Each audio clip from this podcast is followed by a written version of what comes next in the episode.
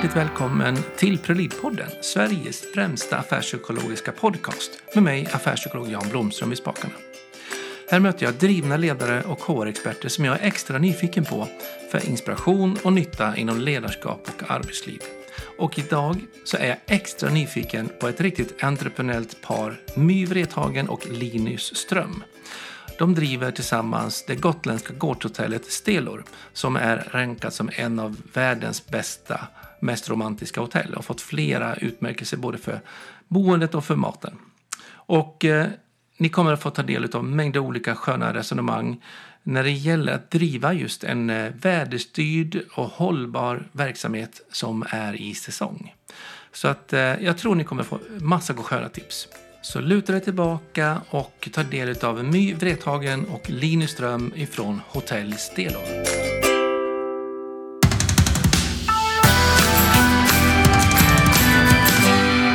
Hjärtligt välkommen till Prolidpodden säger jag till My och Linus. Tack. Tack.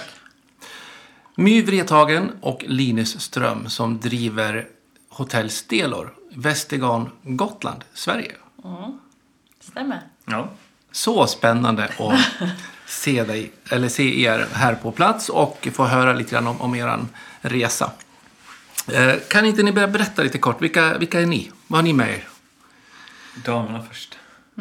Eh, ja, eh, gotländska.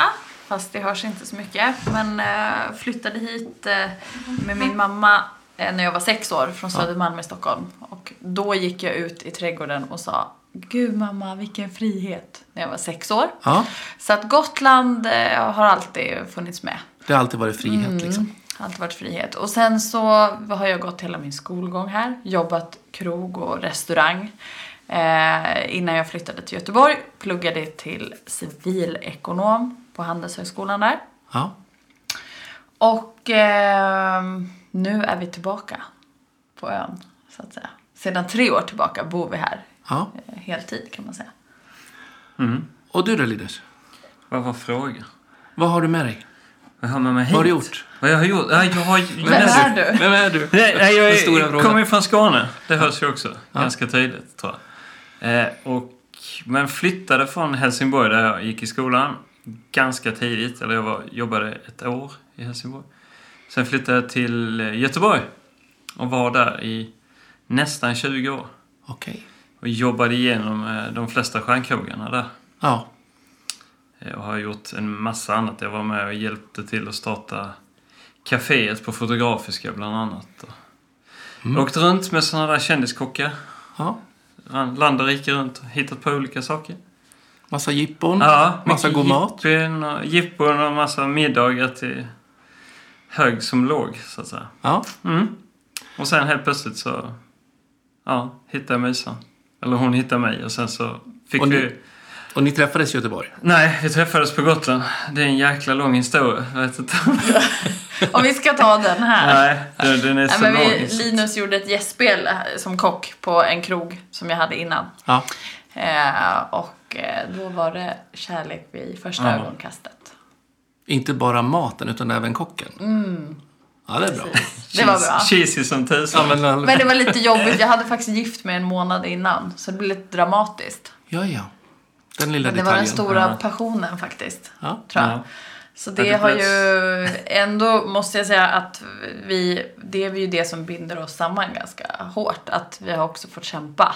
Mm. Ja. Eh, Vi har ju valt varandra i ett ganska tufft... Båda hade andra relationer och Linus hade en dotter och sådär. Ja.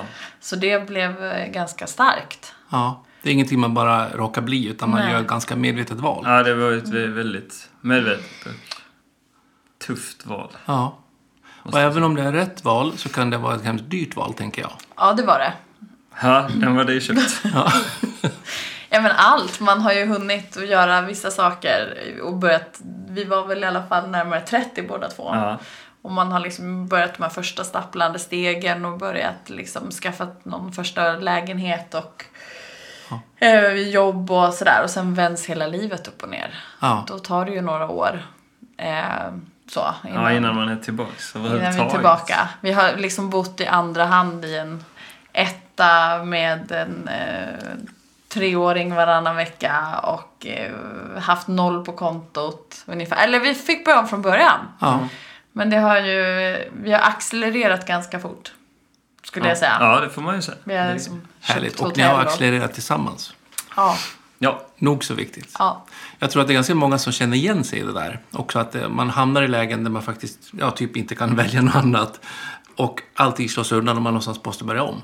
ja. Oavsett om det gäller familj och relationer och som tillit eller om det handlar om verksamheter. Så, så är det ju liksom ett, att våga och vara i det och ändå ta sig vidare. Det är också en drivkraft och en entreprenörssida som, som inte bara är på företagssidan, att man är företagsam oavsett vad det är för områden. Sätt sig inte ner och vänta på att någon annan ska lösa det. Utan man, Nej, men det går ju inte. Eller det... nej, det blir inte så mycket action. Nej, det blir, händer inte så mycket då. Nej, det gör inte. Ja, härligt. Men ni kom hit då för drygt tre år sedan. Tog över Hotell Stelor. Ja. Berätta, vad är Hotell Stelor? Ja, Det vet vi ju knappt själva.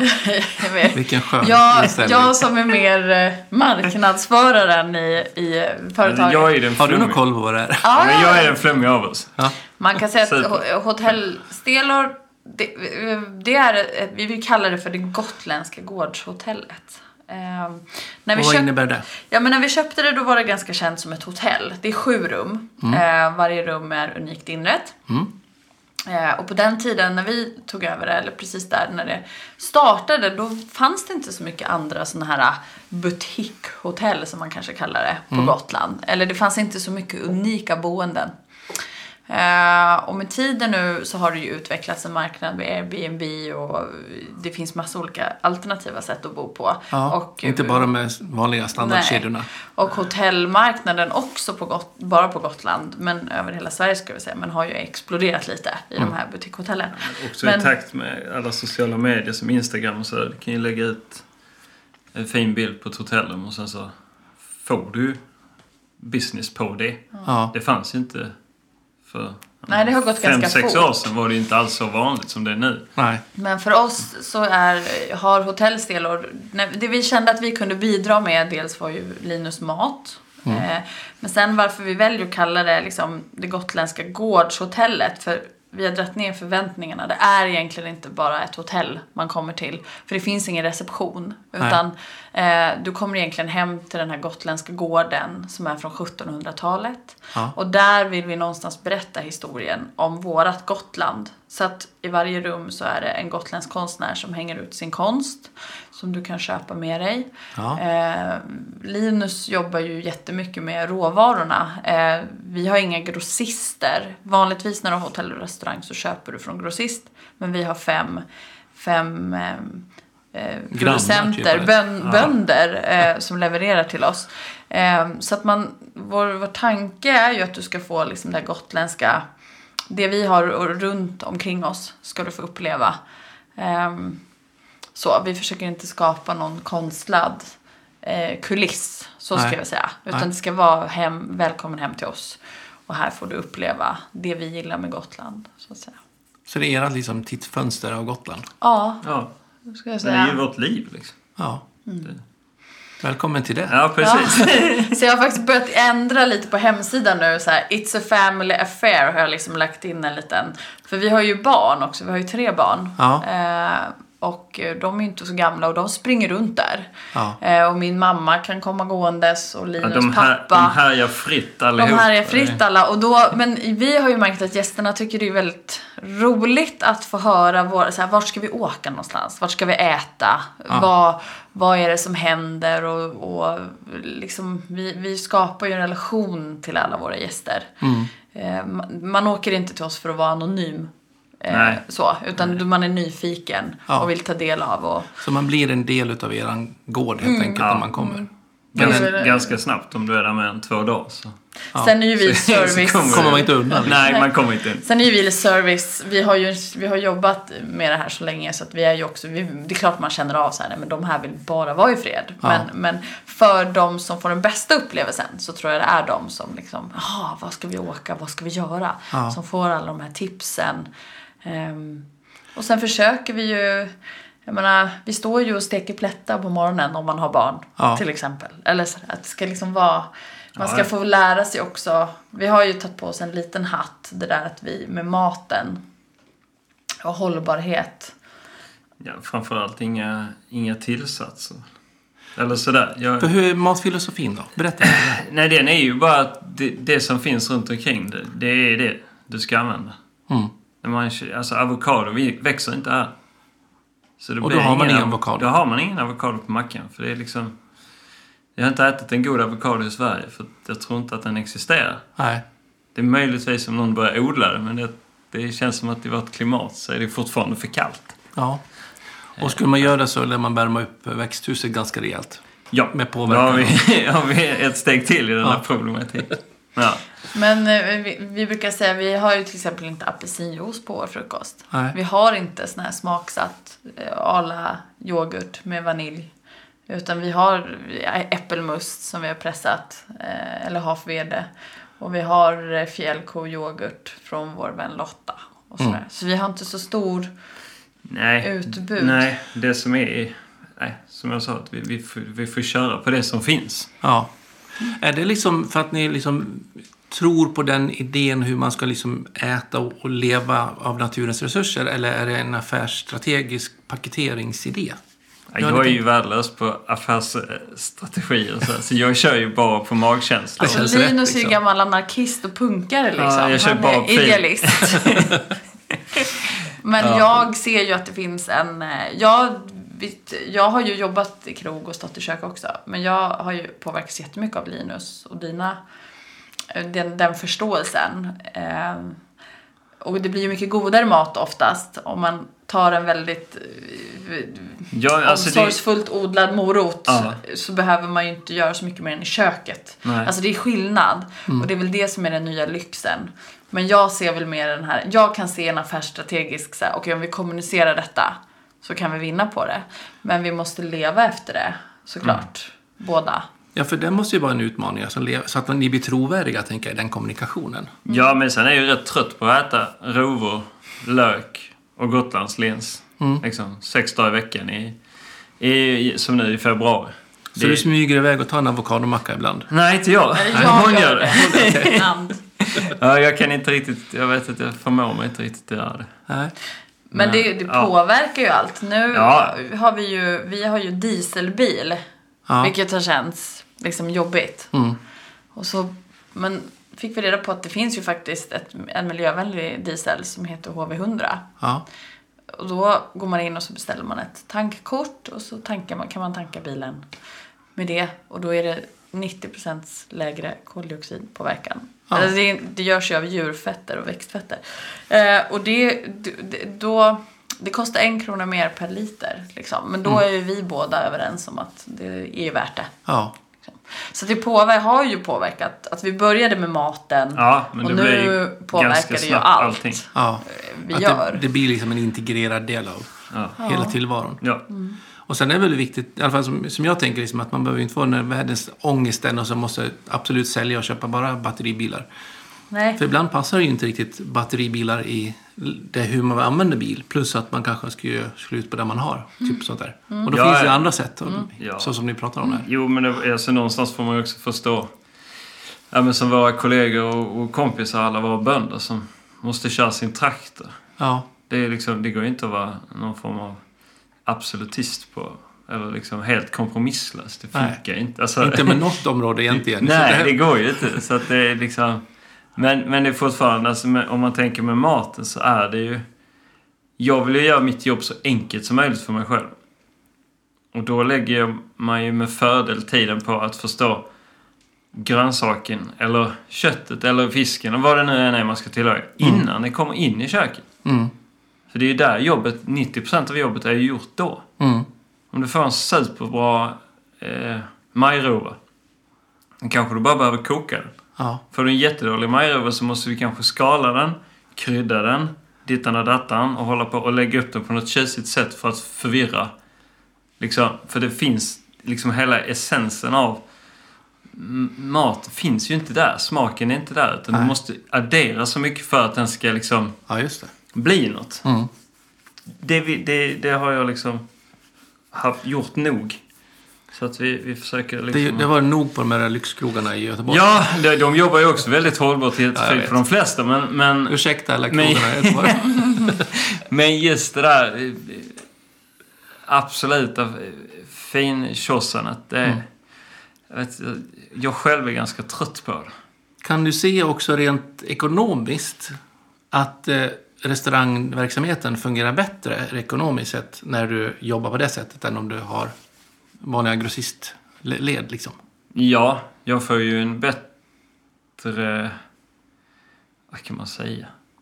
Alltså jag betalar ju lite mer till bönderna Ja, mot vad bönderna får utav grossisten. ja, Det gör jag. Men jag betalar ju ändå lite mindre mot vad jag skulle, om jag skulle köpa det från grossisten. Ja, så du kapar ett led Jag kapar ledet, men samtidigt så lägger jag ju min egen tid. Mm. Men då får jag ju också en massa kompisar på köpet. Som kan vara värt en hel del också. Ja, det är ju värt eh, nästan mer. Alltså Ja. det är ju mer värt för mig än pengen. För helt plötsligt så saknar jag någonting och då betalar ju det. Alltså det... Ja, Det löser sig. ja precis. Det Eh, För jag tänker lite också med, med, med mycket med svinn och sådana saker. Ja. Hur har du sett på det då? Har det blivit liksom, om man har den här tydliga tanken innan man skaffar liksom grejerna och att det hänger ja, ihop? men vi är, ganska, vi är väldigt duktiga måste jag ändå säga på att inte förpassa så mycket till soptunnan. Mm. Men vi har ju ingen à la carte. Har Nej, vi har ju ingen det à la har carte. ju varit en stor förändring. Alltså Ja. man kan ju inte välja matmiddag hos oss. Nej, vi har ju landat i att vi har någonting som heter Stelers gårdsmiddag. Ja, Och då är det den maten som vi lagar som finns. Ja. Det finns liksom inget annat. Och då är det inte så mycket att kasta bort heller. Nej, utan man kan räkna ganska, ganska på, på gram och, och, och deciliter vad det är vi behöver göra. Mm. Och så gör vi det. Och dagen efter kan du ju Ja, det blir ju personalmat. Eller, omdefiniera eller göra något Ja. annat. Ja. så ja, vi tycker ändå att vi håller det... Svinmässigt så håller vi det väldigt Vi bra. hjälper ju till och med ICA Maxi med deras svinn. Har vi ju gjort. På vilket sätt då? Vi hämtar ju eh, ICA Maxis eh, Waste, det waste. som de kastar egentligen. Ja. eh, Sånt som börjar bli lite dåligt i ena kanten eller sådana Ja, saker. precis. Eller Exakt. snea ban bananer Ja. på saker. Vi började ju göra det till förra året. Då Ja. hämtade vi ju det tre gånger i veckan. Vi fick ju anställa en kille halvtid för att Bara åka ta hand om För det var så enorma mängder. Ja, Det är Oj. 100 kilo i veckan. Vi Bara tänkte vi- grönsak. Asch, vill man inte höra. Men vi tänkte för vår tanke då var ju att vi skulle de råvaror som Linus pratar om som vi får av våra producenter, Mm. de behöver man ju göra så lite som möjligt med. Ja. Så fort du går över och börjar köpa liksom den här konventionella råvaran som vi köper i butik, då måste du nästan göra så mycket som möjligt med den för att den ska bli god. Du måste krydda den och Ja. göra. Ja. Så. Ehm, men vi, vår idé var att vi skulle använda wastet till att eh, göra sylt och ehm, ja, eh, göra luncher på. Ja. var vår tanke då. Försöka förädla det så mycket som möjligt. Ja. Hur gick det med det då? Är det mycket sylt? Ja. Det, blev, det blev liksom övermäktigt på något Ja. sätt. Det slutade bara med att vi fick ge det till grisarna. Ja. Ja, men vi, sål, men vi har ju sålt Ja, vi sylt sålde till mycket. Sulflogia till exempel. Beställ, börjar ju beställa sylt av Ja. oss. Eh, och nej men alltså vi fortsätter ju att göra det här. För att det är, Mm. Ja, ja, det det är vi väldigt. Mm. givande också. Och för vår personal är det också väldigt spännande. Mm. Alltså det är ju ett sätt att få kreativiteten igång också. Ja, ja, gud. Jo, kommer det jättemycket persikor så kan man ju göra en glass. ja. Det Men, men det är väl alldeles som med allt annat, att det får inte bli för mycket av någonting. För det kan inte överta själva... Kan inte bli huvudaffärsidén. Nej. Nej, nej, det går Utan det inte. är som en extra grej. Ja. När extra grejen tar för mycket energi, då får man eh, fundera om. Liksom. Ja, antingen får man ändra det till Ja. nya huvudidén. Ja, Eller precis. bromsa ner den lite. Ja, Men det är liksom crazy på sommaren så kan vi ju få då får vi, alltså Stenhuset ligger lite längre bort här. Stenhus är då en gårdsbutik. Ja, precis. Och de levererar då in till eh, ICA Maxi. Och sen så får vi liksom, i och med att det är förpackat i plasttråg, Mm. liksom eh, de här jordgubbarna, så är det kanske tre jordgubbar som är dåliga i plastförpackning. Då är den ju utdömd från Mm. Ja. ICA Maxi. Det gör ju att vi får ju ganska mycket... 40 kilo 40 kilo fick liksom. vi på ett bräde Eh. Waste eh, jordgubbar då. Fast det är ju bara tre per förpackning som är dålig kanske. Ja. Så att det är ju liksom helt, man blir ju ledsen liksom. Fast det känns skönt att det tas tillvara på. på något sätt. Vad spännande med eh, ändå så pass genomgående tänk. Och jag vet ju också att ni skurar era to- hotellrum, toaletter ska jag säga, men hotellrummen, eh, kanske toaletten också, med, med, med såpa. Mm. Linoljessåpa. Ja. Det är det sjukaste. Det, jag Det bara, varför, ja, varför tycker ni om det här? Varför gör man inte det? Det är ju Ja. så Funkar otroligt bra. Funkar Ja. ju mot allt. Ja. Och det, jag brukar så här passa på när jag duschar med ungarna i duschen. Ja. Då passar jag på med städa med linoljessåpa. Det, är alla, det är ju liksom inget farligt. Nej. Det är väldigt... Och det är ju också coolt. Slippa med kemikalierna. Ja. Varken i, i, i mat eller i städning. Liksom. Men hörni, ni har ju faktiskt ett ben till. Ni har en, eh, en lada. Ja, den är stor. Ja, Ja, berätta för, för lyssnarna. Vad, vad är er lada för något? Ja, det, ja det är ju en... Ett biutrymme som var där när ni flyttade in? eller Ja, och sen så hade eh, våra kompisar som vi köpte då, hade lite konserter och en och annan eh, tillställning sådär. så? Mm. Men helt plötsligt så... Nu har vi nog 12 bröllop. I år bokat jag. Mm. Ja, så att nu har det liksom blivit som en bröllops... Ja, vad ska man säga? Lokal. Ja. Jag Ja. skulle nog säga att den där ladan räddar oss mer än vad vi tror. Ja. Alltså skapar hållbarhet, ekonomisk hållbarhet för Ja. oss att kunna bedriva vår verksamhet. Mm. Ehm, för där kan vi sätta upp mot 100 gäster och Ja. det är ju liksom en gammal lada. Vilket verkar passa just det här hur folk vill ha sina bröllop nu. Att det ska kännas rustikt och gammalt och liksom lite bohemiskt. Eh, och sen har vi ju även konserter där. Och det har vi ju också fått fler och fler liksom större artister som vill komma och spela. Så Mm. i sommar så kommer det vara Erik Gadd, Uno Svenningsson, Sara Klang, tror jag. ja, vi hoppas ju det. Och vi kan är det- ja. det är lite blandat. Och Lisa Ja. Nilsson hade vi förra sommaren till exempel. Ja. Så här gammal barndomsidol.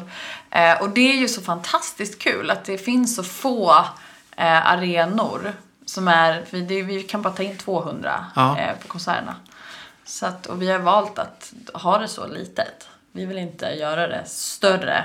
Liksom, utan det ska finnas något unikt i det För där. då blir det också dra iväg, tänker jag, i med säkerhet och Mm. kring arrangemang som Ja, drar framförallt kostnader. så måste man ju hyra halva Västergården till parkering. Ja. Det räcker med 200 så, så löser vi det med vår, vår granne som har marken bredvid. ja. Skulle vi Parkera göra på det större så hade vi ju fått leta fler. ja. Eh, Ja, det drar med sig massa Ja, saker. ja, massa, massa extra Ja. grejer. Man får Men ehm, hur får ni tag på dem då? Är det liksom gamla polare eller är det kö för att komma och spela hos er? Eller? har- Ja, vi har, nu har vi ju en, eh, en kille som heter Pontus. som hjälper Som oss. hjälper oss att göra det här. Ja. För att det, han, han känner massa, han är i Stockholm och han känner... Men jag skulle säga att de Boka. står lite på kö. Ja, det, har, det är inte så att vi har raggat folk. Nej? Vi har lite, ibland har vi ju, jag har ju skrivit till folk på Instagram typ. Ja. Jag skötte det där några år. Mm. Och då kunde jag ju skriva så till Daniel Emma och Manne Brother och Sara Klang på Instagram ungefär. Vill inte komma och spela. Oftast vill de ju det. Ja. Eh, och så får de bo ett tag och sådär. Och nu har det blivit etablerat så jag tror att Pontus han är fantastisk och hjälper oss och sätter ihop ett program och styr allting. Men han, Mm. eh, han får nog förfrågningar skulle jag säga också. Ja, jo. Av, eh, så det är ju kul. Det blir en etablerad konsertscen. Och då blir det också, tänker jag, lite mer eh, familjärt eller lite mer så gårdsmässigt. Man kommer, man bor, man spelar, man, Ja. även som artist. Ja, ja, absolut. Man ingår i den där familjen lite. Ja, men jag skrattar lite ibland för jag tror att de hotellgästerna, det har ju hänt att det har varit hotellgäster som bokar in sig för att de liksom ska se den här artisten och ska äta middag och så här. Ja. Och så det, får de äta frukost dagen efter, Ja. artisten. Han bor ju alltid där. lite, det blir lite så kul. Ja, vad härligt. Det hade de inte räknat med. Nej, precis. Oftast inte. Ta turnébussen och dra vidare. eh, ni, jag måste ändå bara backa lite grann tillbaka till att ni bedriver det här stället nu då som har en kort säsong. Det är ungefär tre månader. Hur långt räknar ni? Är det, Alltså en och en halv när det är skarpt läge. Ja. Ja. fast vi är ju igång aktivt maj, juni, juli, augusti, september Ja, skulle jag säga. Men inte med så mycket... Då jobb- jobbar vi ganska mycket själva. Maj, juni. så det är liksom... Midsommar till, till mitten av augusti så är det ju... Då ska alla in Ja. samtidigt. Vecka 27 till 32. Det är klassiskt. Ja. Gotlands Gotlands säsong. säsong. Ja. Kort, intensiv. Mm. Och så ändå så har ni liksom hamnat på topp 100 i världen och listor och sånt där. Ja. Ja. Ni kanske har åkt ut därifrån när ni har tonat ner det, men bara att Ja, ni bara precis. är en Jag tror, gårdsgrej. jag har ingen aning. Hur, hur, hur lyckas ni liksom få den positioneringen? För att, jag vet inte vad ni som lyssnar på, men Hotell Stelo har ju fått en mängd av olika utmärkelser. Bland annat var det att ni var utsedda bland årets, nej vad var det, världens 100 topp bästa hotell. någonting. Romantiska. Romantiska hotell. Ja. Hur hamnar man där? Just den tror jag, där var det... När, när Stelor startade så startades det av ett annat väldigt entreprenöriellt par. Ja, Och han då var ju eh, jätteduktig på det här med Google liksom. Ja. Så, så där, där tror jag att de... de var, Stelo var först på Gotland och Gotland i sig är ju ganska unikt. mm. Så de eh, tog, där kom nog den ifrån faktiskt. Det är ett stort travel-magasin som heter Condé Nast som betygsatte det. Eh, men sen tror jag att de också tänkte helt rätt när det liksom var sådär att nu kan inte vi tillföra mer liksom, till den här platsen. Och det var väl det som vi såg att det kunde vi med maten. ja, Och efter det så hamnade vi ju i White Guide och det har varit, eh, nu blev vi 100 bästa hotell i White Guide till exempel. Eh, men det tror jag är, blir så när man kanske brinner för, vi, vi älskar ju människor tycker jag. Ja, men Ja, och det plats. gillar vi. Det, vi har ju en stor fördel om man jämför med lyxhotell i stan eller liksom, vi har ju en annan plats. Vi har tre hektar trädgård. ja. Där vi kan liksom... Ja, men, Det blir en annan paketering. Ja, precis. Och Ja. det är ju någonting annat. Jag menar, om vi skulle försöka oss på det här med lyxhotell i den bemärkelsen som, som är, då... Det kommer vi aldrig att... När vi har ingen minibar på rummet. Liksom. Nej, vi har ingen minibar. Vi har liksom inte ens stryk... Alltså, behöver du något strykt så får du säga till. Så kanske morsan kan hjälpa dig. Ja. Jag vet inte. Vi får se. det, det finns liksom ingen sån... Den Ingår inte i service... standardpaketet liksom. Nej, precis. Men däremot så ingår det ju att man kan sitta och ta en konjak och titta på lammen. Ja. Och, och klappa hönsen. Eller följa med mig ut i trädgården och, och klippa snittblommor. Eller dra upp kvällens morötter. Ja. För det har vi. Det är liksom det vi jobbar med och det är så vi pysslar. Om vår gård. Ja. Det, det kan man inte på några andra... I alla fall inte mig veterligen på så många ställen inne i, i en stad eller på andra ställen på det viset. För det är ju en utmaning, tänker jag, att liksom, under så kort säsong ändå lyckas hålla den nivån. På, på liksom Ja. approachen. Ja, men Man får jäkligt många duktiga och bra Ja. medarbetare. Det, Vi har haft tur, alltså vi, eller det har varit... Jag måste säga, jag är så imponerad av din Linus kapacitet. Jag skulle aldrig genomfört det här eh, om inte jag hade haft han, honom vid min sida alltså. För du har ju, vi har båda ganska hög kapacitet. ja, men och så eh, ett brett nätverk. jag skulle säga, vi hade en sommar när vi hade lite problem med eh, köket. Alltså så här, det har ju ändå varit några år där vi har fått verkligen så här kämpa för att rekrytera. Mm. Nu börjar det ju äntligen komma till att folk hör av sig till oss Ja. och har hört att ah, ni jobbar sådär, ja men då vill vi komma. Ja. Och då får vi ju en helt annan kompetens på plats. Men det var ju någon sommar du, alltså du fick ju jobba, du, Ja, du jobbade ju, sov ju fyra timmar per natt i liksom två, tre månaders tid. Och jobba Ja, ja, däremellan. så blir det. Ja, men då satt sig för att man bara ska köpa hela djur och alltså på det sättet som jag vill Ja. jobba för att det blir bäst så får man ju stycke Ja. mitt i natten. För det finns, det blir för varmt annars. Så det Ja. är för mycket folk och det blir flygor och så då får man göra det när det är som svalast och när ingen är där. ja. Men, Då- men, Då eh, blir det ju så liksom. Smällar man får ta liksom. Ja, det är så där, avigsidan med, med det hela. Jag tror heller inte det finns så många kockar som är så breda i att du kan ju både göra liksom chokladpraliner och stycka ett djur. Det är ganska ovanligt idag. Så att jag skulle säga att hela, liksom, det bygger väldigt mycket på din yrkesskicklighet och din kapacitet som är enorm. Men Och att du har en bredd, tänker jag då i det. Mm. Ja, jo, jo men jag kan ju... Du är inte bara konditorn. Nej, men jag är, kan lite, men väldigt, av väldigt många olika saker. Mm. Men sen är det ju en utmaning tycker jag. Att man liksom... Eh, Jag tycker det svåraste är att, att leva upp, eller inte leva upp men att för, till sist så kommer man till en plats när förväntningarna överstiger det man själv har satt upp som mål. Mm. Så Ifrån här- ja, men, om, man, om man kommer till, till ställe och inte vet alls vad det är Mm. så blir man nog ganska positivt överraskad. Mm. Medan om man har läst inlägg och, och bloggar och tittat på Instagram så Ja. tror jag nog att verkligheten är ju aldrig som den ser ut någon annans. Det är ju... Verkligheten är verkligheten. Det andra är ju något annat. Ja. Då är ju risken att liksom de här förväntningarna liksom inte... Den där dammråttan var inte på Instagram. Liksom. Nej, precis. Eller det, nu, vi hade ju en, en, ett bröllopspar som bruden började gråta för att gräset inte var grönt. Ja. Men om det var 30 grader varmt i fyra veckor och aldrig regnat, då går det ju inte. Det blir inte Och för alla som har varit på Gotland vet att ön är totalt brun i juli. Ja, det är, den är bränd. Den är ganska bränd. Ja, den är bränd. Och varm. Ja. Men då kommer hon ihåg sitt bröllop i alla fall. Ja, ja, ja nej, det glömmer vi aldrig någon av oss. Nej, de var från Italien. Det var lite... Crazy. De hade Ja. bara, det var helt fantastiskt att de bara valde att vara här. Ja. Ja, men, Men den stora utmaningen kan jag tycka ibland, det är, väl just, det är ju den här stora personal, alltså kompetensförsörjningen och hur, hur ska du liksom få din, de du jobbar med att det är så extrema förhållanden. Det är ju som att precis när man har kommit in i det och blivit det här sammansvetsade teamet, då är det dags att åka hem ungefär. Ja. Liksom att det är så här, För det är många anställda har ni? Eh, Jag tror vi hade 15 på lönelistan förra året. Ja, 15, mellan 15 och 20. Ja. 20 tror jag det var. Ja.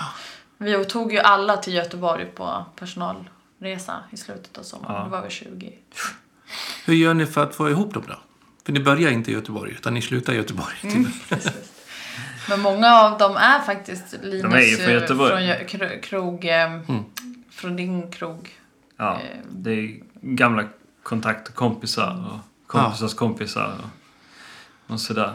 Det, eftersom att det är så kort tid så de första åren har, har man ju verkligen försökt att hålla sig så nära ens bekantskapskrets som möjligt. Så att de, Och vad får det för konsekvenser då? För er som företagsledare liksom?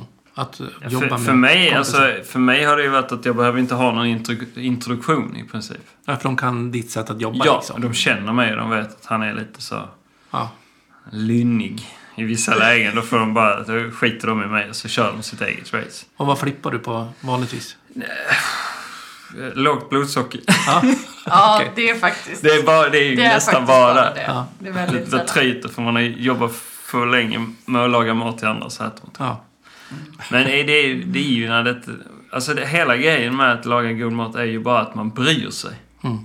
Den som bryr sig mest lagar godast mat. Så är det ju Det- bara. Och det, det det handlar ju bästa allt receptet. ifrån vad, vilken råvara du använder till hur du ska tillaga. ja. Om du bara skaffar information och sen bryr du dig.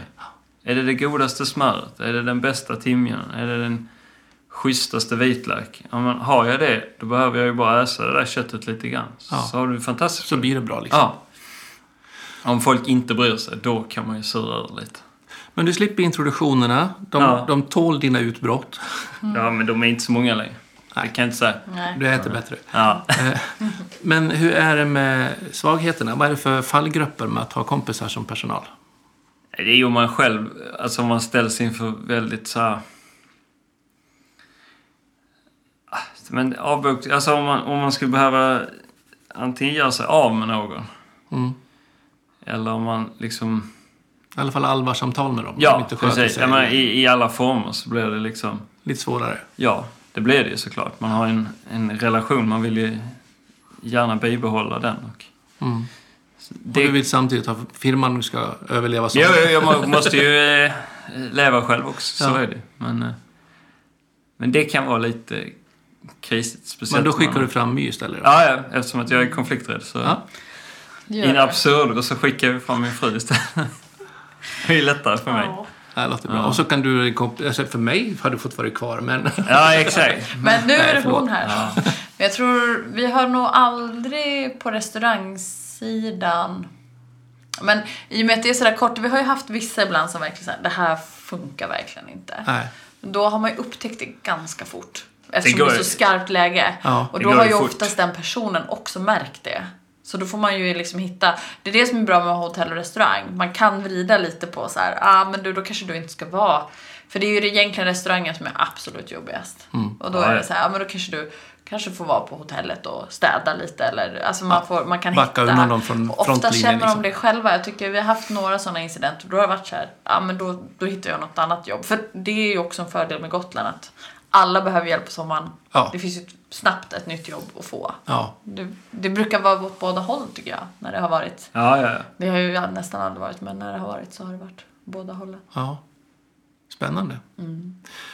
Ehm, Men eh, det är ju en utmaning alltid med, med att driva verksamhet så kort säsong. Mm. Alltså ni har ju öppet året runt ändå i någon form. Ja, i Eh, någon om man bokar form. större grejer och Ja, så. precis.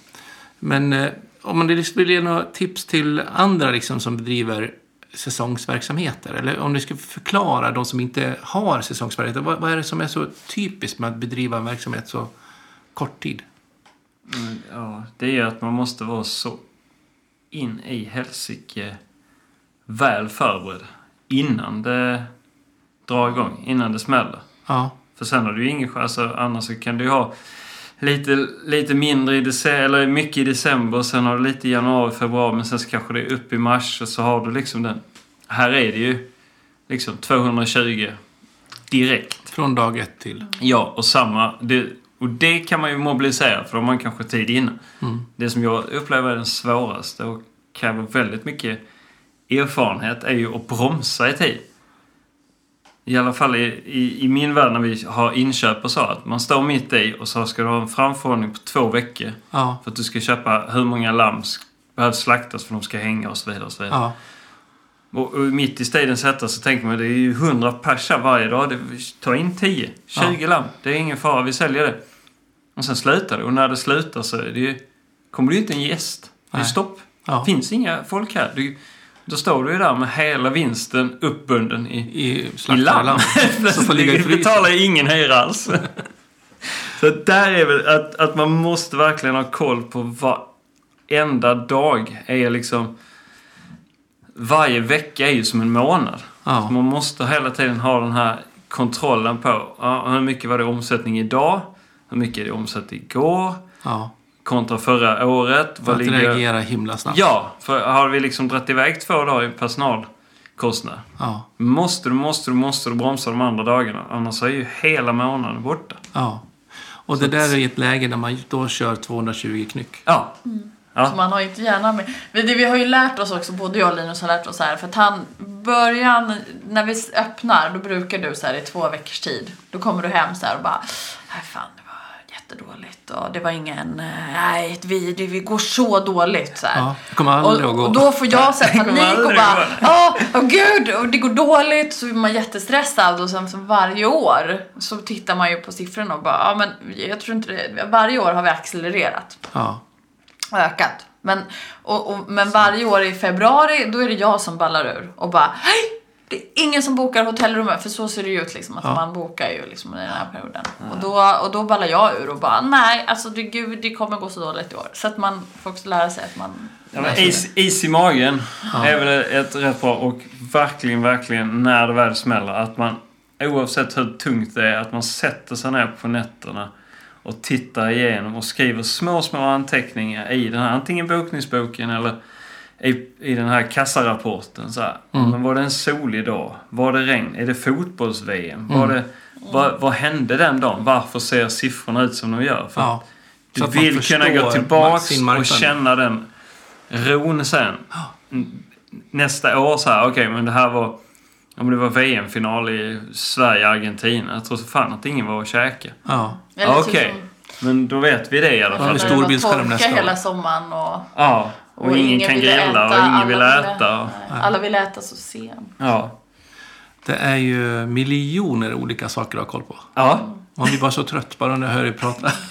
Ja, Man ska så- analysera varenda liten grej. Just hotell och restaurangbranschen tror jag också är den mest hårdaste. Alltså, Det var, jag var på ett föredrag häromdagen. 241 olika regleringar har man över sig. Ja, Det är ganska mycket liksom. och ha koll på. Mm. Och jag tror att jag, det, det har jag ändå, liksom, jag jobbar ganska mycket med besöksnäringsfrågor. Och då inser jag ju att det, det är ju väldigt få, alltså så som vi lever är ju väldigt få. Det finns några andra aktörer på Gotland som har bed and breakfast och restaurang. Ja. Men många av dem är ju pensionärer och plockar pension. Ja, Eh, och många har ju då skaffat andra verksamheter någon annanstans. Nu har under vi- lågsäsongen liksom. Precis. Och nu har ju vi två små barn så att vi, och vi vill ju bo och verka på Gotland. Så för oss handlar det ju väldigt mycket om också hitta hur hittar vi hållbarhet för oss? Mm. Alltså vi kan ha öppet och vi på sommaren. Men hur hanterar vi resten av året liksom? Hur, Ja. hur ska vi förhålla oss? Och när ska vi ha semester? Och, ja. Jag tänker, för kör man för hårt när det är liksom utanför säsong så får man ju ingen effekt. Nej. Då är det som att varva motorn och kopplingen nere. Liksom. Man kommer ingenstans. Nej. Och kör bara slut på sig själv. Ja. Ehm, samtidigt som att man inte kan sitta och vila heller, för då är man inte förberedd. När, när trycket kommer. Nej, men vi, Nej. jag tror att vi, både jag och Linus, när någon pratar om så här semester, vi har ju aldrig haft det. Nej. Ingen av, vi har aldrig så här spenderat fyra veckor någonstans där vi, bara inte, där vi inte har gjort någonting. Nej. Ehm, Inte ens en Så- vecka. nej, inte ens en vecka. Jag tror att det är tio år men det är mer. Det är mer än tio år sedan att, och, men sen lever vi ju ett liv som inte är så stressat. Alltså nu den här tiden av året så liksom vi går ju upp, våra barn får sova, vi lämnar dem nio, vi hämtar dem tre eller fyra. Du Mm. har oftast lagat maten, Jag åker och rider. du åker och Ja, rider. Vattnar blommor och så. Vi har liksom inte jätte... Vi lever ju ett ganska så här äh, lugnt, jag kan jämföra med liksom... Sen är det klart att vi är intensivt på sommaren, men jag upplever att på sommaren har man ganska mycket energi. Det är ljust, dagarna är långa, du hinner mycket. Men, eh, men det är väl liksom en, en Och det är då utmaning, allt det här man har planerat hela året får bara bli. Då, Ja. då får man ju energi bara av det, tänker Ja, jag. precis. Och Sen är ju både jag och Misa otroliga bekräfte, bekräftelse-junkies. Ja, du brukar Alltså säga jag, det. ja. jag går ju igång, alltså jag gör ju hellre saker för någon annan än för mig själv. Ja. För att jag vill se motreaktion. Ja. Det är ju min, hela min drivkraft är ju att skapa Så den saker. motprestationen är inte en tumme ner, utan... Nej, precis. Ja, ja, det är förutsättningen då. Men det, Vad fan, det smakar illa. det brukar bli rätt bra. Ja. Eh, Men, och, och då får man ju de här, alltså det är ju kickar hela tiden. Mm. Så att vi, vinterhalvåret är lite så bra på många sätt, men det är också lite svårt att förhålla sig när man har kört så hårt i de veckorna som är. Ja. Och sen slutar det och sen är det helt plötsligt ingen som ens... Som säger hur bra det är man ingen är. som eh, vet att man existerar. Det är, det är en ganska svår grej att Men det är väl som artisterna säger efter tu- turnéerna. Det Ja. liksom kommer hem till en tom lägenhet och blommorna vissnar och Ja.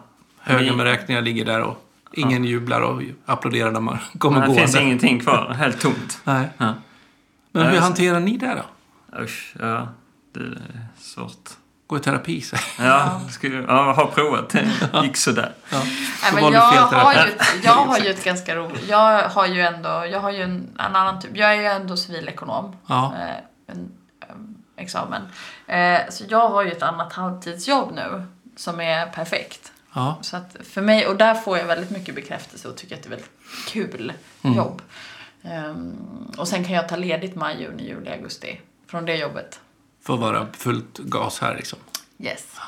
Och det är en halvtidstjänst så det är inte så mycket. Men eh, det är väl det vi pratar om nu, hur du ska hitta din... Du hade varit iväg utomlands va? Ja, alltså nej. I Indien var det ju. Ja, jo, jo. Du För, glömmer... Ja, det var bara Nej, det Indien. var jag inte. Det var bara Indien en vecka. Ja, jag var i Indien en Laga vecka mat och till laga kungen. mat. Ja, okej. Det var bara det. Ja, det var bara det. Ja. Jo, men alltså jag har ju åkt runt lite sådär. Ja. Du får åka på lite gig, Ja. Åker du dit och kör din grej då, eller åker du dit och hämtar inspiration med det? Nej, nu var jag ju för svenska, vad heter det? Handelskammaren eller vad det heter. Det var ju statsbesök av kungen. Okej. Och då ska man ju flyga ner halva Sveriges befolkning till Indien. Ja. Av någon jävla nej. De är ju det så det räcker där nere kan man ju tycka. För kungen ska äta mat. Ja. Ja. Men du var där en vecka och du Ja. behövde ju inte ens lyfta dina kockknivar. Du skulle Nej, jag behövde inte packa. att allt var klart. Ja. ja. Så då... Lite understimulerad när du åkte hem då?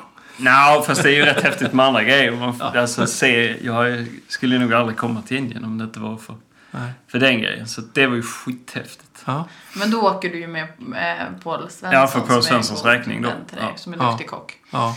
Så att du får ju åka på lite sådana. Ja. Du Jo, skulle åka det- till Cannes. Nu Ja. skulle du varit i Cannes. Nu blir det coronaviruset så då blir det inget. Ja, ska vi kört middag i Frankrike en vecka? ja. Vi är glada att du är här. Ja. Inte där du blir smittad. Nej, jag med. Det, de stängde hela alltet. Ja. Flytta. Ja men spännande. Men det är ju verkligen en utmaning att liksom ha trycket uppe och inte liksom gå ner sig, tänker jag. Ja, ja. Jo, man- det gör man ju oavsett. För, Eh, eller jag gör det i alla fall. Så. Tänker, jag blir lite full i skratt när ni pratar om det, men allt ifrån att det inte är några bokningar och att det inte kommer att gå och sådär. För man känner jag ju själv, när man liksom, än idag har haft firma i snart 30 år tror jag, och går fortfarande i konkurs var och varannan vecka. Så jag kommer, nej, kommer inte, ingen har ringt och allting sådär. Ja. Så ringer någon och säger, åh nej, jag har ingen kapacitet, jag kommer aldrig kunna leverera. Nej. Så att det är ju verkligen den här ångesten mellan topp till, till botten, liksom, den är så i frontlinjen. Hela tiden. Men det är ju också det som är så jäkla kul, tänker jag. Men eh, ja, det var något annat jag skulle säga också knutet till det. Nu tappar jag den tråden bara för det. Men det är lite, jag kan också bli så här, jag blir ändå, jag blir stolt över alltså att man är en person, eller nu är ju vi ett par, men att man liksom, ja men, man tar de där vågorna, man vågar vara i det och liksom Eh, jag tycker att vi riskerar mer än många andra. Men att det växlas ju ut. Man gör ju det för att det växlas ut till att få ett självbestämmande över ens liv. Och det tycker jag är det viktigaste. För min del. Ja, jo men det har vi bestämt. Vi, ska inte vara anställda liksom. nej. Men det har, jag har ju inte varit det på så många år, så jag vet inte hur... Men ni är väl inte anställningsbara längre? Nej, precis. Nej. Så känner jag i alla fall ibland. Ja. Jag, vi hade en anställning i familjen för ett antal år sedan. Eh, Första gången på över 20 år vi hade någon i vår familj hade anställning. Och det var så här, nej. Det, det, och det var inte ens jag som var anställd. Nej. jag var frustrerad. Det går inte. Ska någon bestämma om man ska vara ledig en helg eller inte? Bara, nej, det där var inte vår Nej, grej. nej. Nej, men jag Men vi pratade liksom- om det senast idag ju. Att så här, men skulle jag ta ett jobb som kock, jag är förbrukare. Jag är för, dels är jag för gammal och sen så är det ju inte... Alltså folk vet ju att...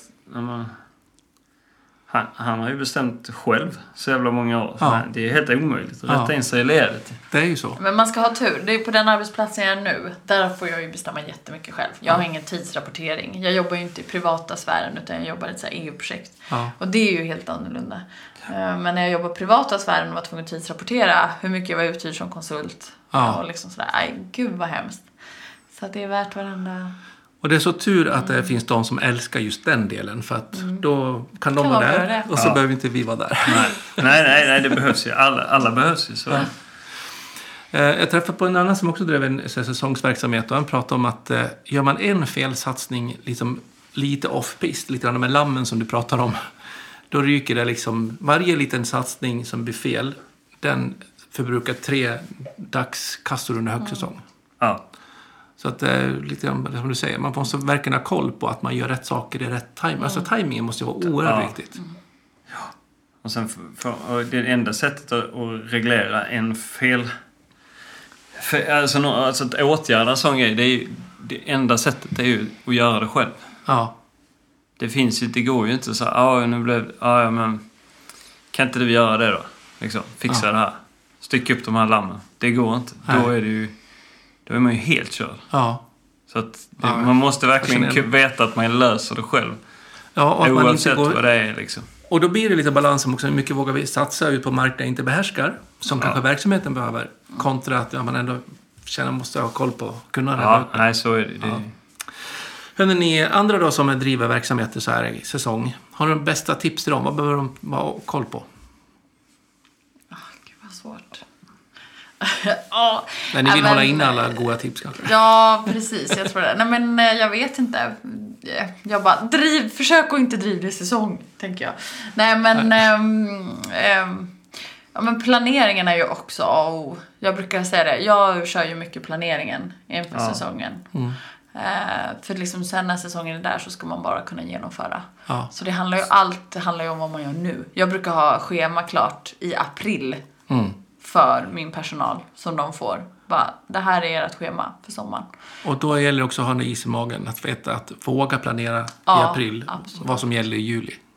Jag skulle säga att man måste ha eh, arbetskollegor som, som man kan lita på. För det är så Skaffa ett stort. bra team runt liksom. Skaffa ett bra team. Ja.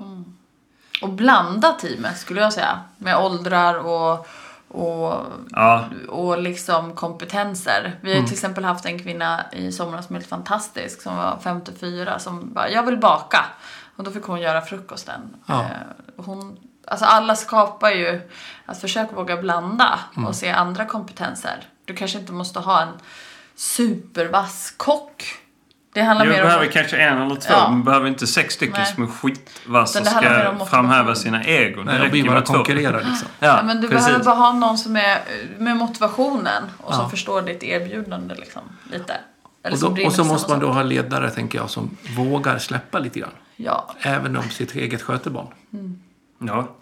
Men det, det där kan jag tycka, det har alltid vi varit nästan- svårt att vi är sådär, ja men vill du genomföra någonting så gör det. Mm. Eh, för det har jag själv sett när jag har jobbat på arbetsplatser, att när jag har haft en chef som har sagt, men eh, startar du det eh, om du vill? Ja, Eh, och försöka få dem att går man lite behålla all den. in liksom. Ja men den motivationen. Jag bryr mig liksom inte vad som Åsa då när hon började jobba hos oss.